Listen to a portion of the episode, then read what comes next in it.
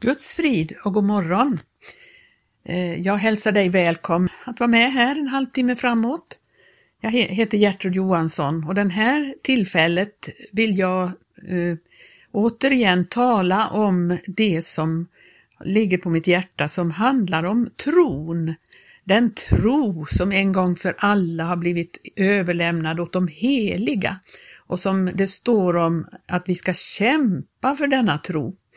Och vi ska utgå idag igen ifrån eh, ordet i Johannes första brev, där det står så här i kapitel 5 och vers 4, att detta är den seger som har övervunnit världen, vår tro.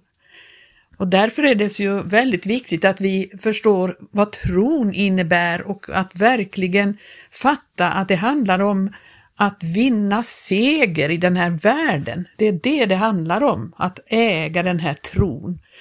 Och att det är en kamp att behålla den tron, det förstår vi ju av dessa uppmaningar i Guds ord. Och därför måste vi noga studera vad det innebär att, att verkligen tro. I Galaterbrevet så står det så här i halva versen utav kapitel 5 och vers 6 så står det att allt beror på huruvida han har en tro som är verksam genom kärlek. En tro som är verksam genom kärlek. Alltså, eh, kärleken gör att man verkar på, av tro därför att vi tror på Gud, vi tror på hans ord och vi älskar honom. Och det är så viktigt att det är genom denna kärlek så att vår tro är verksam. Som vi talade om förra gången att det hjälper ju inte att bara säga att man har en tro, man måste också ha en tro som är verksam. Vi ska slå upp eh, Johannes 14 och läsa ett stycke där. Eh, 14 och 15 versen så står det så här. Älskar ni mig så håller ni mina bud och jag ska bedja Fadern och han ska giva eder en annan hjälpare som för alltid ska vara hos eder. Sanningens ande, som världen inte kan ta emot, ty hon ser honom icke och känner honom icke, men ni känner honom, ty han bor hos er och skall vara i er. Jag skall inte lämna er faderlösa, jag ska komma till eder. Ännu en liten tid och världen ser mig inte mer, men ni ser mig, ty jag lever, ni ska och leva. På den dagen ska ni förstå att jag är i min fader och att ni är i mig och att jag är i eder. Den som har mina bud och håller dem, han är den som älskar mig.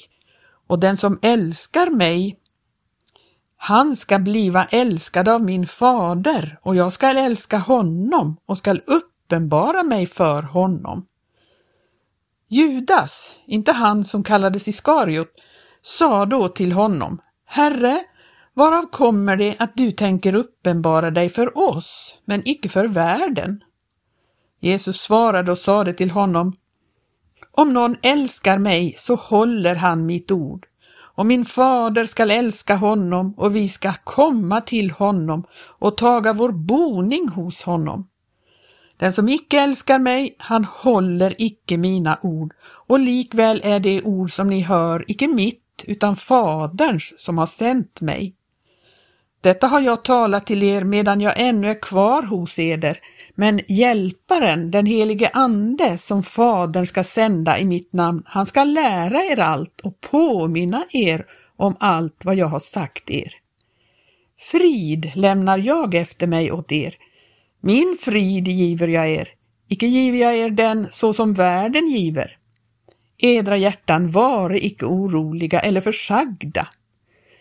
Ni hörde att jag sa till er, jag går bort, men jag kommer åter till er. Om ni älskade mig så skulle ni ju glädjas över att jag går till Fadern. Ty Fadern är större än jag, och nu har jag sagt er det förrän det sker, på det att ni må tro när det har skett. Härefter talar jag inte mycket med er, ty denna världens furste kommer. I mig finns intet som hör honom till. Men detta sker för att, jag, för att världen ska förstå att jag älskar Fadern och gör så som Fadern har bjudit mig. Stå upp, låt oss gå härifrån. Det här stycket i Johannes 14 visar oss eh, vad det handlar om att världen verkligen inte kan förstå detta med vårt förhållande till Fadern, till, till Jesus och till Fadern. Världen kan inte förstå det. Världen är utanför allt detta därför att det finns inte hans ande i de som tillhör världen. Därför så eh, är det så viktigt att vi blir uppfyllda av helig ande så att vi genom den helige ande kan älska Jesus och älska hans bud, hålla hans bud av kärlek till honom. Det står ju det i, i missionsbefallningen att vi ska, eh, vi ska göra alla folk till hans lärjungar. Och så står det så här eh, i Matteus 28 så står det så här, gå för den skulle ut och gör alla folk till lärjungar, döpande dem i Faderns och Sonens och den helige Andes namn. Och så kommer den versen som väldigt många inte tänker på, att det står lärande dem att hålla allt vad jag har befallt er. Och se, jag är med er alla dagar in till tidens ände.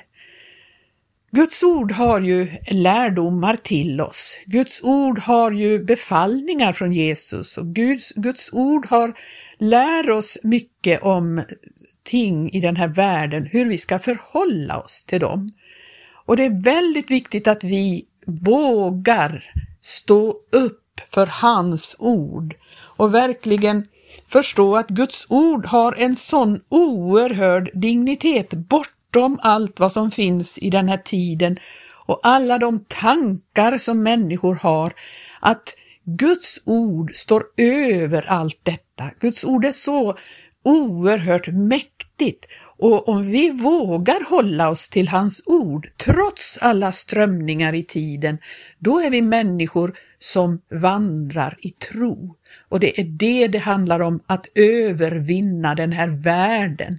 Därför världen är ett rike där den, den onde är eh, förste och han är ute efter att riva ner allt det som Gud har förordnat som Gud i sin kärlek och sin omsorg har förordnat för människorna, det är denna fiende väldigt angelägen om att bryta ner och förstöra och, och eh, är i uppror emot Gud. Hela världen kan man säga vandrar i uppror mot Gud.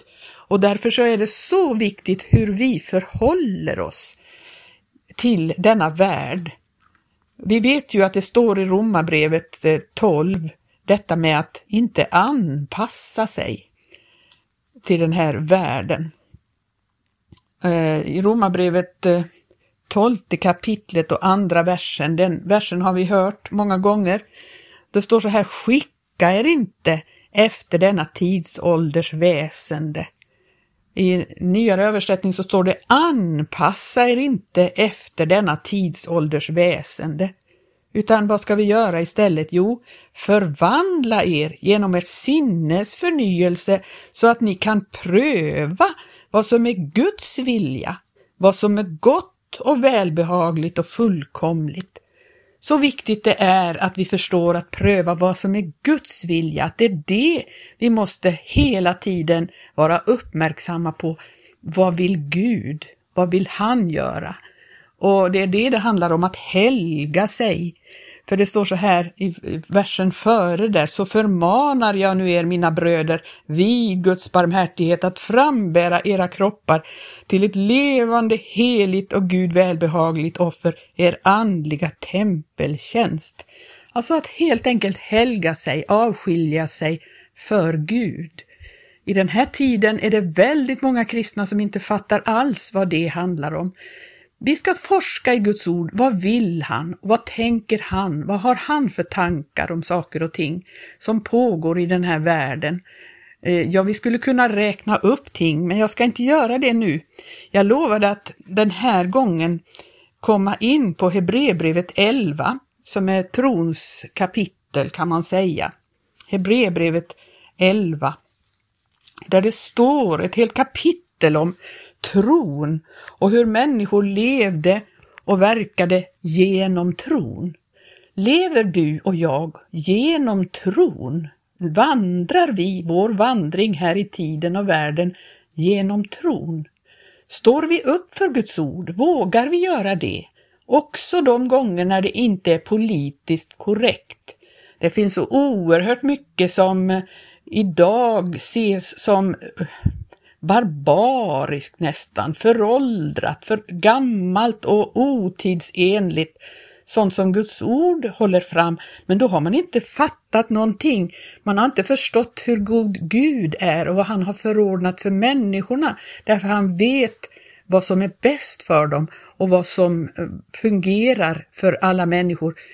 Vi ser ju en oerhörd, eh, vad ska man säga, Eh, att människor mår fruktansvärt dåligt idag. Det finns väl ingen tid som har så många stressade människor, som har så många människor med psykisk ohälsa, som har så många människor som eh, kämpar eh, svårt mot depressioner och som har, som har det svårt på många sätt därför att man försöker anpassa sig till den här tiden och den här tidens och världens tänkande och så tror man att det är frihet det är eh, gott för människorna. Man går längre och längre i detta, men istället är det tvärsom. Man skulle gå tillbaka till ursprunget, gå tillbaka till han som har, som har eh, talat sitt ord och förordnat ting för människorna, därför han vet vad han tänkte när han skapade människorna och därför så vore det bäst om människorna fattade att söka i de källorna. Sök dig till Guds ord. Ta, se efter vad Gud skriver i sitt ord om saker och ting som försiggår i den här världen. Nu ska vi gå till Hebreerbrevet 11 och börja med första versen. Där står det så här, men tron är en fast tillförsikt om det som man hoppas, en övertygelse om ting som man inte ser. Vi är helt övertygade om att det vi tror på är en verklighet, ett rike som kommer, ett rike som vi ännu inte ser. Som vi läste förra gången, vi vandrar här i tro och inte i åskådning. Och så står det så här, på grund av den, alltså av tron, fick ju de gamla sitt vittnesbörd. Genom tron förstår vi att världen har blivit fullbordad genom ett ord av Gud, så att det man ser inte har blivit till av något synligt. Där ser ni den versen som, som talar om hur oerhört, eh, oerhört tyngd Guds ord har.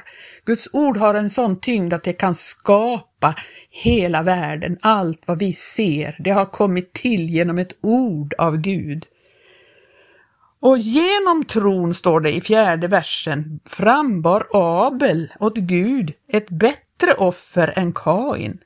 Och genom den fick han det vittnesbördet att han var rättfärdig i det Gud själv gav vittnesbörd om hans offergåvor och genom tron talar han ännu fastän han är död. Och vi vet ju att eh, eh, Abel frambar ett offer av jorden som han vaktade. Ett djur fick släppa livet till och han offrade åt Gud. Och medan däremot Kain bar fram ifrån åkermarken det som han hade odlat. Och då kan man undra varför var det bättre med, Kain, med Abels offer än Kains? Varför gav Gud inte något vittnesbörd åt Kains offer? Vad var det för fel på det? Och vad var det som Abel eh, visade genom sitt offer?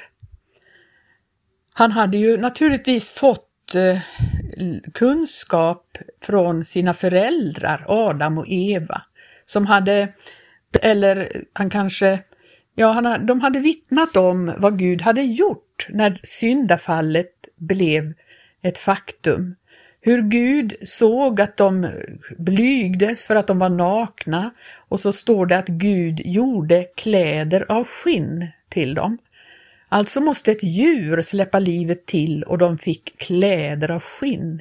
Och det här var ju en förbild till någonting, någonting gjorde att Abel förstod, nej, jo, Abel förstod att att eh, någon måste släppa livet till för att jag ska kunna täcka över. Han upplevde sin, sin synd och sin orenhet inför Gud. Han blygdes liksom föräldrarna hade gjort av att vara naken, att vara naken inför Gud med sin synd. Han upplevde säkert att han var en syndig människa. Han förstod att någon måste släppa livet till för jag tror att någonting sånt var det som han hade i sitt hjärta och därför bar han fram ett djur eh, till Gud. Och Gud såg att hans hjärta var rättsinnigt, att han gick på den upp, uppenbarelse och kunskap som han hade. Medan Kain eh, gjorde tvärsom, han bar fram sin offergåva av det som marken eh, frambringade. Han ville bära fram någonting som han hade hittat på själv. För det var ju ingenting som, som eh, de hade fått lärdom eller kunskap om då. Eh, så att då gav Gud sitt vittnesbörd åt Abel. Någonting var det i hans hjärta som Gud såg och tvärsom var det i Kains hjärta. Så att det var någonting att han gjorde detta genom tron. Han trodde på det han hade fått veta om Gud redan. Och så kan vi fortsätta. Genom tron togs Enok bort för att han inte skulle se döden, och man såg honom inte mer, ty Gud tog honom bort. Förrän han togs bort fick han nämligen det vittnesbördet att han hade täckts Gud. Alltså han hade blivit, eh, vad ska man säga, godkänd av Gud eller Gud eh, tyckte om det han såg hos Enok. Det, det, står ju på ett annat ställe i skriften att han vandrade med Gud i alla dessa hundra år som han levde, flera hundra år. Han vandrade med Gud. Han hade ett umgänge med Gud. Han, på något sätt hade han eh, säkert en bönegemenskap med Gud, för de var ju utdrivna ur lustgården, men han vandrade i umgängelse med Gud, så Gud tog honom bort, han rycktes upp till Gud utan att behöva se döden. Tänk att det är ju en förebild på den troende eh, brudeskaran som ska ryckas upp. Och det handlar ju om en skara som liksom Enok vandrar i umgängelse med Gud. Hur mycket umgås du med Gud om dagarna? Vandrar du med Gud? Talar du med honom? Läser du hans ord?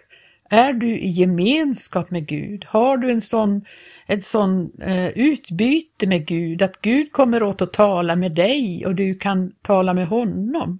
Om man umgås med någon, då talar man ju med denne och man, eh, man eh, har ett utbyte. Och det är det som Enok hade. För det står så här att utan tro är det omöjligt att täckas Gud. Ty den som vill komma till Gud måste tro att han är till och att han lönar dem som söker honom.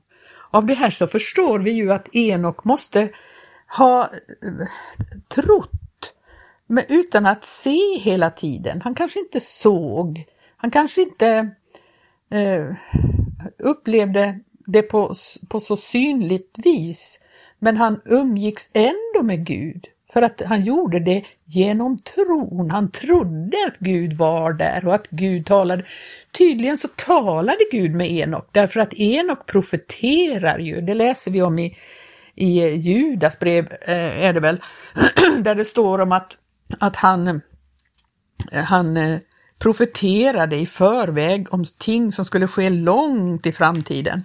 Tänk att Gud hade ett sådant samtal med Enok, så han fick profetera. Han fick till och med då i, i, sin, eh, i sin sons namn Metusela eh, eh, profetera om floden som skulle komma långt senare. Därför det förstod han. Eh, Tänk att, att eh, det är eh, det är en sådan, eh, vad ska man säga, umgänge med Gud man kan ha, att man kan uppleva att Gud talar om sånt som ska ske i framtiden. Hur han kan visa sina tjänare vad som ska ske och så får de profetera om detta långt, långt i förväg. Tänk att Enok hade ett sådant umgänge med Gud så att han kunde uh, profetera om detta. Och den, den som vandrar med Gud kan få en, en sådan förnimmelse om ting som ska ske i framtiden, att man, inte, att man är förberedd på saker och ting. Eh, och sen ska vi titta på också på Noa, hinner vi kanske med idag, i sjunde versen. Genom tron var det som Noa, sedan han hade fått uppenbarelse om något som man ännu inte såg, i from förtröst byggde en ark för att rädda sitt hus och genom den blev han värden till dom och fick till arvedel den rättfärdighet som hör tron till. Tänk att han fick en upp uppenbarelse om saker som skulle hända så att han kunde förbereda sig för vad som skulle ske och han kunde förbereda så att han räddade mänskligheten kan man säga, för han och hans familj fick ju bli början till den nya mänsklighet som kom efter floden. Tänk att han på det sättet fick bli världen till dom och fick till arvedel rättfärdigheten som hör tron till. Det finns en rättfärdighet som man kan få till arvedel om man vandrar med Gud och i den här tiden bygger den ark som ska rädda oss från den dom som ska komma över den här tiden och den här världen. För det kommer en sådan dom. Men du och jag kan få vara med i arken. Vi kan få vara med och bygga på denna ark genom tron. Genom tron. Det är så viktigt att vi har denna tro som kan eh, bereda oss för det som komma skall, bereda oss för att vara redo, vara färdiga inför vad som komma skall, så att Gud också kan tala till oss och att vi, mitt i allt detta som är i tiden, har en from förtröstan på Gud. Att vi litar mer på Guds ord än vi litar på alla andra röster som hörs i den här världen. Det är vår uppgift här i tiden, här och nu. Och eh, vi kan också förkunna det för människorna. Detta med Noa, han förkunnade ju genom denna arkbygge för hela världen att det kommer en dom. Och de fick höra det, men de trodde inte på det. Men han trodde och fick rädda sig och sitt hus och fick rättfärdighet på det.